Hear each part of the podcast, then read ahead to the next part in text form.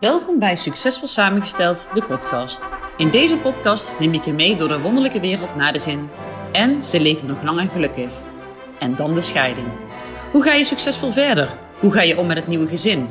Hoe doen anderen het? En wat zeggen de experts? Hier hoor je het allemaal.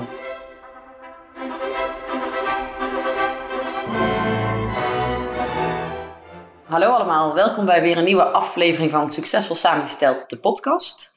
Uh, tegenover me zit Peter van Nieuwburg, uh, eigenaar, medeoprichter van de True Talent Team. En uh, vanaf januari heet het de Me Scan Company.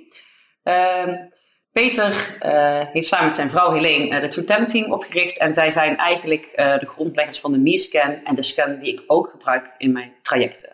Misschien heb je het wel eens op mijn website gezien. Dan kan je teaser maken en ja, die scan is eigenlijk gebaseerd op het gedrag wat we niet laten zien.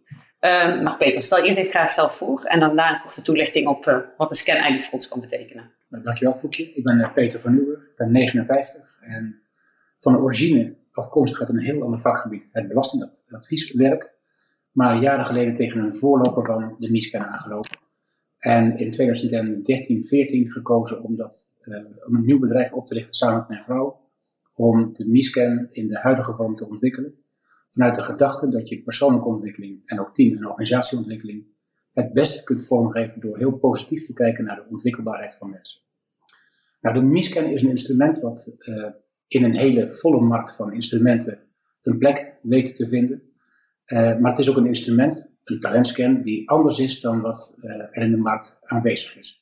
De MISCAN is voor een deel gebaseerd op competenties. Dat is een heel erg cognitief, dus op zelfbeeld gericht proces. Maar daarnaast gebruiken wij beelden uh, waar mensen vragen om um, keuzes te maken vanuit hun onbewuste. En eigenlijk te kijken welk beeld heeft mijn voorkeur of welk beeld uh, vind ik minder prettig. Dat lijkt een heel zacht of misschien wel zweverig proces, maar dat is het zeker niet. De MISCA raakt namelijk gewoon een ander deel van je psyche. En wat we daarmee zichtbaar kunnen maken, is eigenlijk wat er onbewust achter je gedrag schuilgaat. En daarmee ook, waar liggen je talenten? Heb je die talenten ook ontwikkeld? Maar we laten ook zien waar je misschien gedrag hebt ontwikkeld wat niet bij jezelf past en waar je dus meer energie in kwijt wordt. Nou, dankjewel. Ja, ik ben super enthousiast over de scan. Ik gebruik hem in alle trajecten. Ik gebruik hem op één op één coachings om inzicht te krijgen inderdaad van waar iemand staat. Uh, maar ook als het gaat om samengestelde gezinnen, om uh, juist die gezinsdynamiek uh, ja, vorm te geven, beeld te krijgen, zicht erop te krijgen. Um, vaak weten mensen niet eens de dingen waarom ze doen of waarom bepaalde conflicten naar voren komen of waarom bepaalde keuzes zijn gemaakt dat je uit elkaar gaat. Uh, ik vind het een hele waardevolle tool en blauwdruk uh, om te gebruiken. Um, heb ik mijn eerste vraag voor jou, Peter. Uh, nou, zelf ben je ook gescheiden, voor je samengesteld gezin. Uh, wat is jouw grootste inzicht als het gaat over scheiden en het vorm van een samengesteld gezin? Dat is meteen een hele diepgaande vraag. Ja. Um, dat zijn er twee dingen. Eén, uh, dat gaat niet vanzelf. Uh, nog de scheiding, nog het vormen van een, uh, van een hecht en, en goed draaiend gezin. en dat niet vanzelf gaan betekent eigenlijk dat je echt aandacht en energie moet stoppen in elkaar leren kennen, elkaars verschillen te onderkennen, maar ook te kijken hoe werkt nou de dynamiek tussen kinderen die uit een verschillend nest vandaan komen en hoe zorg je dat die kinderen met elkaar op een, een veilige manier kunnen kunnen samenleven in een gezin. Onze scheiding was op een leeftijd dat de jongste 12 was, dus dat we, en de oudste uh, al bijna 20.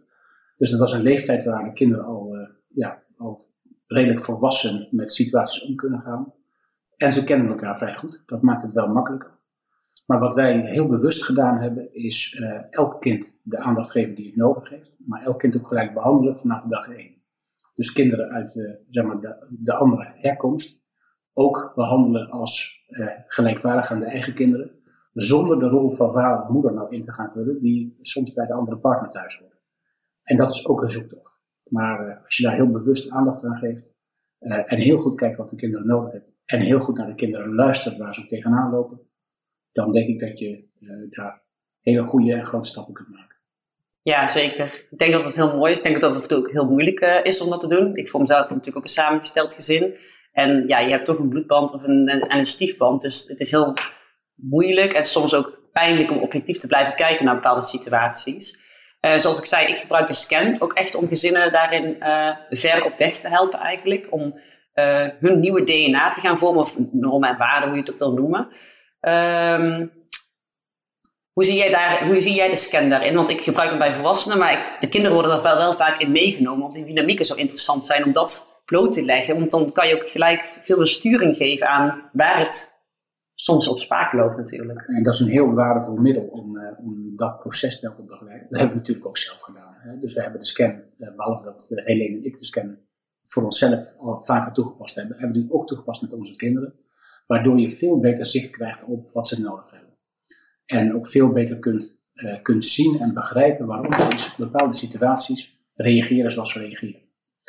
Nou, dat gaat ook over opvoedstijlen en, uh, en communicatiestijlen. En elk kind heeft een eigen behoefte aan een manier van omgaan, uh, bepaalde structuur of juist geen structuur.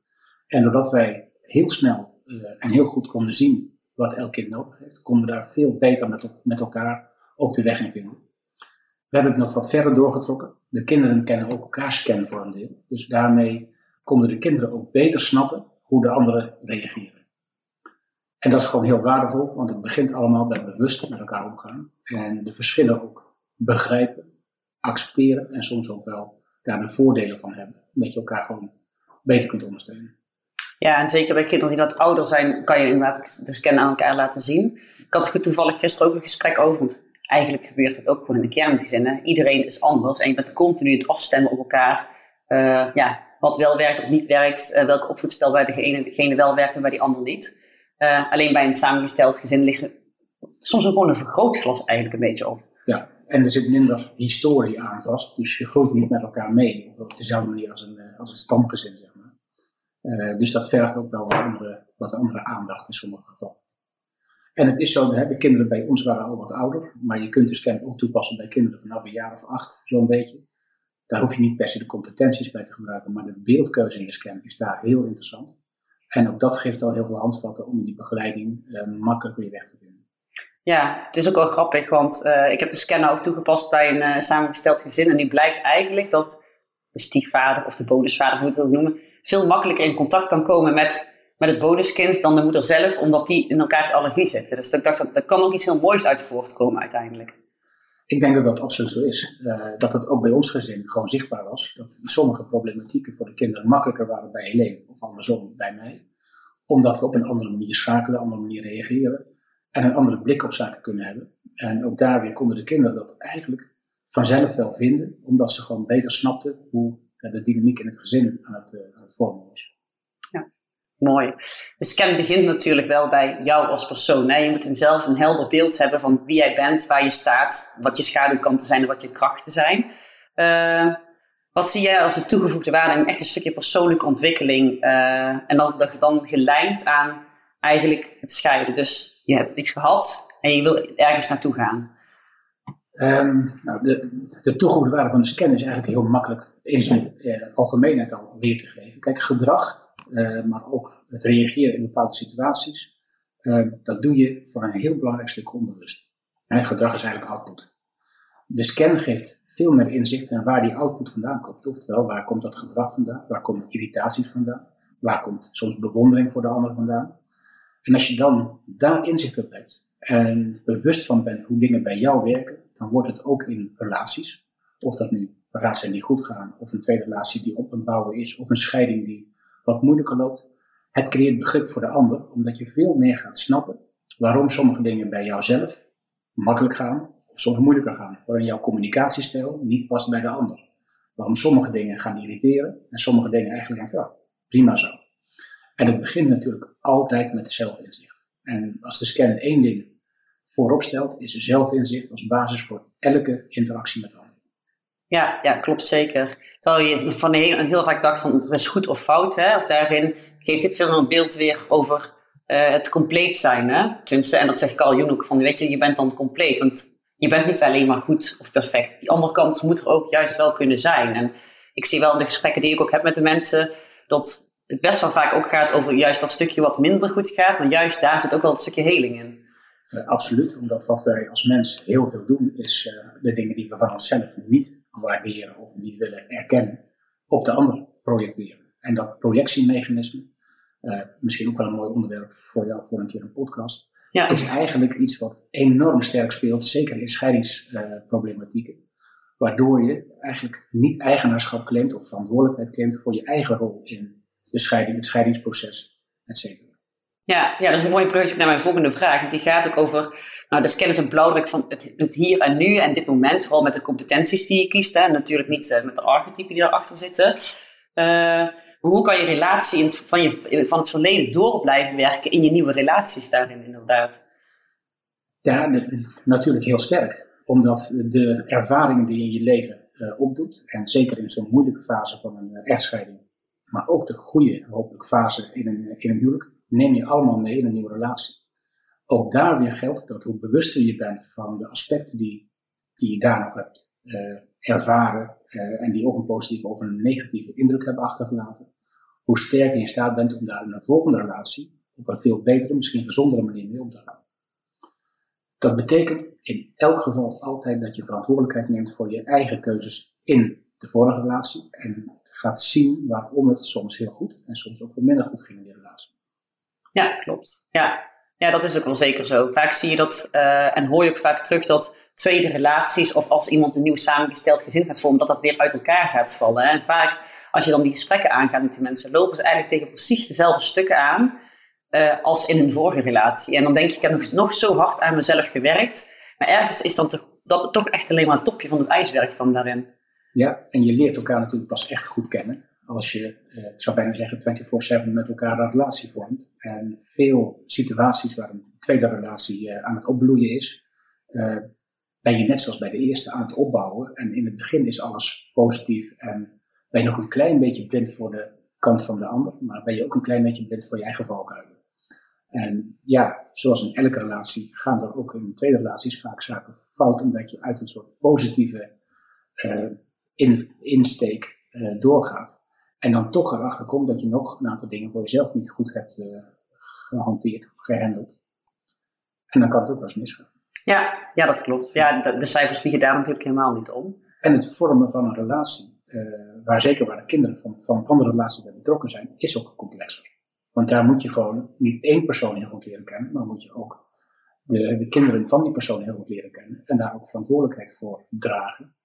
En soms in een rol schieten die of bijna vader- of moederachtig is, of juist net niet. En dat is best een complex proces. Ja, en de kinderen moeten jou leren kennen, want dat is het vaak ook. Hè? Als een kind jou van binnen of energetisch niet volledig kan accepteren in welke rol je dan ook aanneemt, dan blijft het een hele moeilijke strijd tussen aanhalingstekens, maar wel, wel moeilijk en moeizaam iets in een gezin, denk ik. Ja. Absoluut. En ook daar speelt weer de perikelen van de, van de scheiding zelf, kunnen daar tussen de twee uh, natuurlijke ouders heel veel invloed hebben op dat proces. Ja, ja klopt.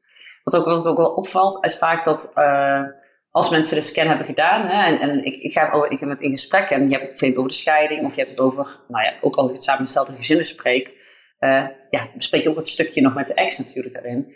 Maar vaak ligt de basis van eigenlijk die problematiek of die pijnpunten veel meer vanuit nog een veel verder verleden, vanuit het kind zijn eigenlijk van, van, van de mensen daarin.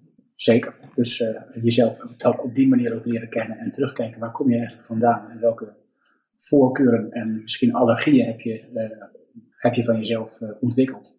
Dat heeft heel veel te maken met je oorsprong. Ja. En daar zicht op en daar ook oude stukken laten helen is een hele belangrijke. Ja, dat denk ik zeker wel, inderdaad. Ja. En vaak ik vind het ook wel grappig, houdt, haalt ook een beetje de naald eruit dat het alleen maar aan de relatie lag, maar dat het een veel breder spectrum uiteindelijk uh, weergeeft. Kijk, de scan maakt zichtbaar uh, waar je talenten liggen, uh, maar ook waar je valkuilen liggen. En die talenten, eigenlijk onbenut potentieel, die heb je meestal niet voor niets niet ontwikkeld.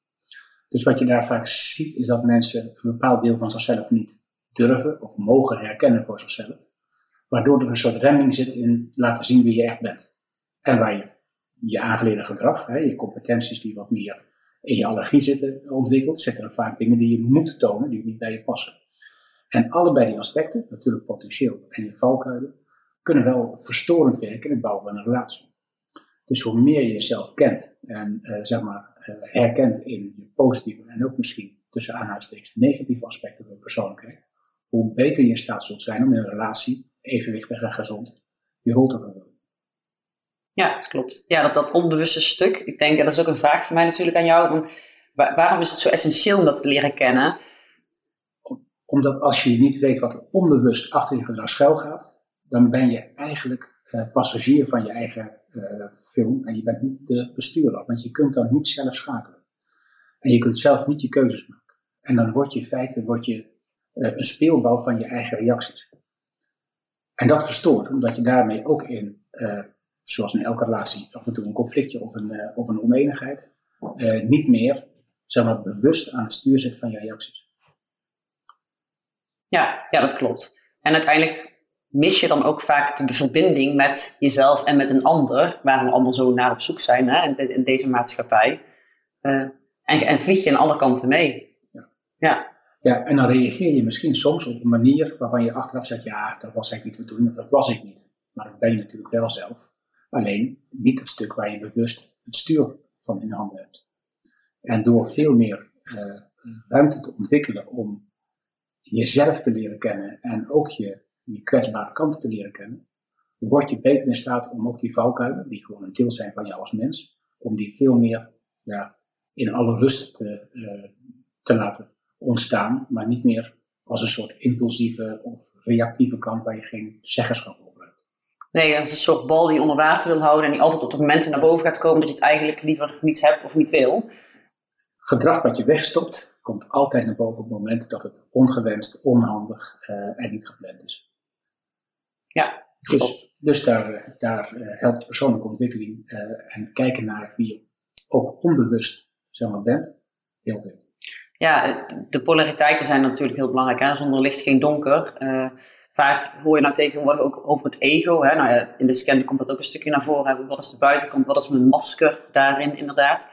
Maar ik ben wel van mening dat je ego wel ook een functie heeft in je leven. En je hoort nou een beetje de tendens dat het er bijna niet mag zijn, hè, dat, het, dat het kwade is, maar het is ook nuttig.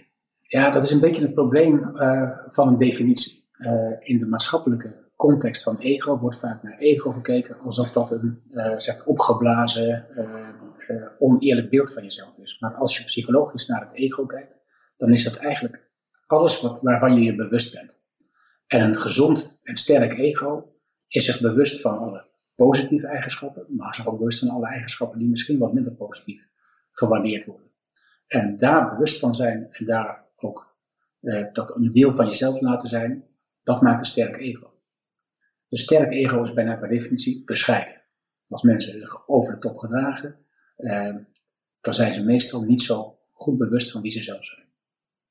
Nee, klopt. Ja, en dan kan je ze nog steeds functioneel inzetten op, op de momenten dat je het wil, maar dat, dat, dat, eh, dat klopt wel inderdaad, ja. Eventjes terug naar de gezinnen. Uh, je gaf in het begin al even aan over opvoedstijlen en communicatiestijlen daarin. Kan je daar iets meer over vertellen hoe jullie dat zien middels de scan? Of hoe jullie dat toepassen? Ja, kijk, opvoedstijlen of, of leerstijlen zijn allemaal eigenlijk aspecten die in de interactie tussen mensen heel belangrijk zijn. de rol tussen ouder en kind of soms ook zie je het bij leerkrachten en kind. Uh, daar zit natuurlijk verschil in. De ouder is opvoeder. Maar heeft een stijl die bij hem of haar het makkelijkst past. Maar het kind heeft ook stijlen. En het kind kan makkelijker omgaan met de ene stijl in een bepaalde situatie. Of met een andere stijl in weer in een andere situatie. En door bewust te kijken naar wat is nou de beste stijl die ik kan hanteren. Maar ook te kijken wat heeft het kind eigenlijk nodig. Wordt het ouderschap veel makkelijker. Uh, want ouderschap wordt dan uh, veel meer op het kind gericht. En je kunt als ouders, of als ouder en bonusouder, veel makkelijker keuze maken. Hiermee ga ik voor het kind wat doen, of hiermee kan ik beter even uh, ondersteunen.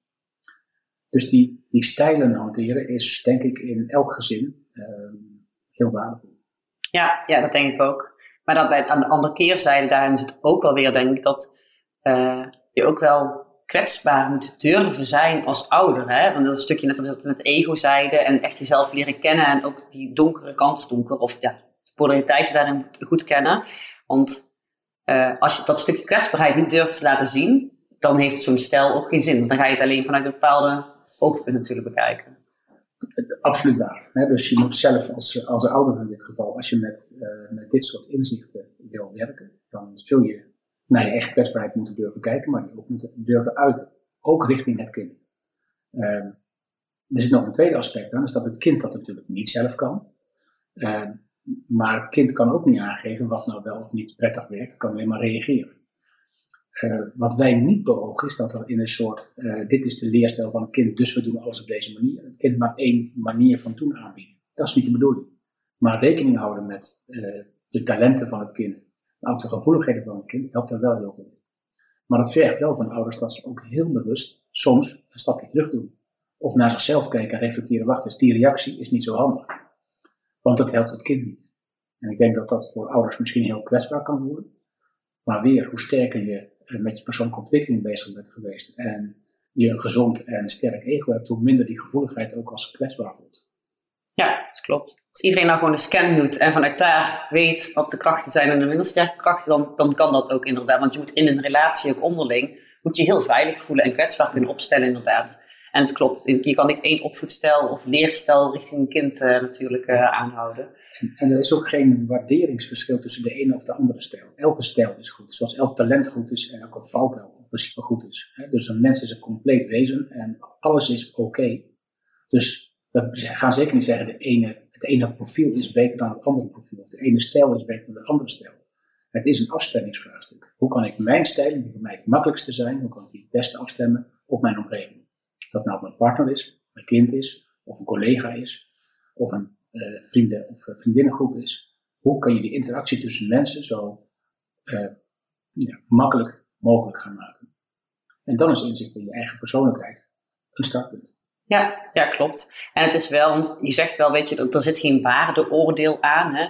maar toch heeft de maatschappij bepaalde voorkeuren voor bepaalde stijlen. En waar dat vandaan komt, weet ik eigenlijk niet eens heel erg. Dat, maar dat is er wel, dat zie ik al bij mijn eigen kinderen zo. Die hebben een bepaalde beeld van wat goed is en wat fout is. Dus die, die werken ook heel hard richting een bepaald iets wat in hun beeld dan daarbij hoort eigenlijk. En ik vind dat een kind mag zijn. En dat vind ik het belangrijkste wat ik wil meegeven in mijn opvoeding. Maar ik merk ook wel dat de maatschappij dit dat niet altijd even makkelijk maakt.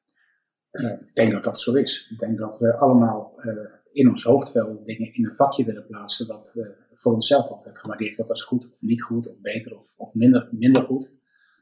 maar als je het hebt over een inclusieve maatschappij, is nou juist de diversiteit die we met z'n allen kunnen creëren heel waardevol. En ik denk, even wegstappend van het gezin, als je naar de zakelijke context kijkt, dan is er voldoende wetenschappelijk bewijs dat diverse teams, teams met veel diversiteit, veel effectiever zijn. Dat geldt voor gezinnen volgens mij. Ja, dat denk ik ook. En ik, denk juist dat het ook heel mooi is als je daar als ouder zijnde, kijk naar mijn eigen gezin of van mijn familieleden, ik kan er echt met trots en verwondering naar kijken hoe mooi ieder individu autonoom op een bepaalde manier dingen doet en hoe ze ook schakelen in dezelfde situatie op iets reageren natuurlijk. En denk dat dat een heel erg mooi cadeau is, dat je dat zo kan gaan zien middels deze scan of op andere manieren. Maar... Ik sluit daar heel sterk bij aan. Als ik naar mijn gezin kijk, met zes uh, volwassen uh, kinderen, maar ook met vijf kleinkinderen, daar zie je dat elk individu anders is. Dat ze allemaal op andere manieren reageren. Alle zes, onafhankelijk van elkaar, echt hele unieke personen zijn, die wel met elkaar op een hele mooie manier kunnen omgaan. En die combinatie van verschillen en toch dingen bij elkaar brengen, is uh, een cadeau. Ja, dat denk ik ook. En dat is denk ik ook wel de basis die ik uit de scan haal en mee wil geven in, in de coaching die ik aanbied. Dat ik denk, weet je, jullie moeten zelf jullie nieuwe gezin gaan vormgeven. Daar zitten jullie normen en waarden bij. Dat zijn bepaalde vaste elementen. Maar hoe je die benadert en hoe je die als gezin aanpakt en hoe die in de dynamiek vorm worden gegeven, dat is natuurlijk gewoon een zoektocht ten eerste en natuurlijk continu aanpassing daarin. En daar is de MISCAN een mooi hulpnummer. Ja. Hè, die een soort handvat biedt en, uh, en, en, bijna een leidraad biedt om, uh, om die processen gewoon uh, vorm te geven. En steeds weer terug te kijken, waarom gebeuren dingen? Hoe kijk ik naar mezelf? Wat is de interactie? En dat is een, denk ik een heel waardevolle kant van het gebruiken van, van deze scan. Ja, zeker. Ja, we zijn bijna het einde gekomen, maar ik eindig altijd van, heb je ook een vraag voor mij? Of wil je nog iets van mij weten? Um, ja, want je zit natuurlijk in een, in een context, in een, uh, in een werkveld, wat altijd gaat over een, een hele spannende tijd in het leven. Het gaat over uh, het afscheid nemen van een bestaande relatie, het bouwen van een nieuwe relatie hopelijk, waar kinderen bij betrokken zijn. Um, mijn vraag is daarbij eigenlijk van wat is de grootste gemene deler die jij ziet, waar uh, mensen mee worstelen in, dit, in deze fase van hun leven, waar je toegevoegde waarde kunt leveren en dat proces kunt vermakkelijken? Uh, het korte antwoord is eigenlijk, wie ben ik? Ik denk dat dat vaak nog de essentie, de eerste vraag is, uh, die bij alle gesprekken, of snel verder zijn of niet verder zijn, naar voren komen. Het, de ontwikkeling van een eigen identiteit na een scheiding, ja, dat, dat brengt zoveel onzekerheid met zich mee. En dat dragen ze soms mee als ze al een gezin gaan vormen. Uh, dus echt een eigen identiteit, een eigen waarde. Om vanuit daar verder te kunnen kijken wat die waarde dan is binnen een gezin. Mooi, ja, dat is, uh, dat is iets wat wij met de scan natuurlijk heel graag ja, willen ja. ondersteunen. En ik denk dat je daar gelijk in hebt. Um, en ik denk dat je alleen maar vanuit die eigen zeg maar, identiteit, hè, een soort zelfzekerheid en een zelfbewustzijn, een gezonde relatie kunt bouwen. Dus als je die stap kunt maken en daar uh, mensen mee kunt helpen, ja, fantastisch. Ja, ik hoop het. Ik hoop uh, dat uh, jullie die allemaal luisteren ook de teaser gaan doen via de website of contact opnemen. Want het is echt een cadeau aan jezelf om gewoon dat inzicht te krijgen. Ik heb hem nou, een paar keer nog zelf mogen doen en het heeft mij enorm veel gebracht, ook tijdens mijn scheiding. En je hoort misschien dingen die je op het begin denkt van dat vind ik helemaal niet fijn om te horen. Maar naarmate je verder in je proces zit, kan je ze ook veel beter plaatsen. En zijn het ook gewoon onderdelen inderdaad van wie je bent. En kan je die omarmen of je kan er van weglopen. En uh, als je die kan omarmen, dan is het ook heel waardevol richting je gezin, je nieuwe gezin en je kinderen. Wat klopt. En omdat de scan niet oordeelt, uh, is het eigenlijk een heel veilig instrument om juist die stap te maken. Ja. Dus als we daar mensen mee kunnen helpen, dan zijn wij erg blij met wat we tot nu toe gebouwd hebben. Ik ben er zeker blij mee. Dankjewel voor je tijd. En uh, ik ga graag nog op heel veel andere onderwerpen samen in. En uh, dat hoor je er nog in de podcast. Dankjewel voor het luisteren en tot de volgende keer.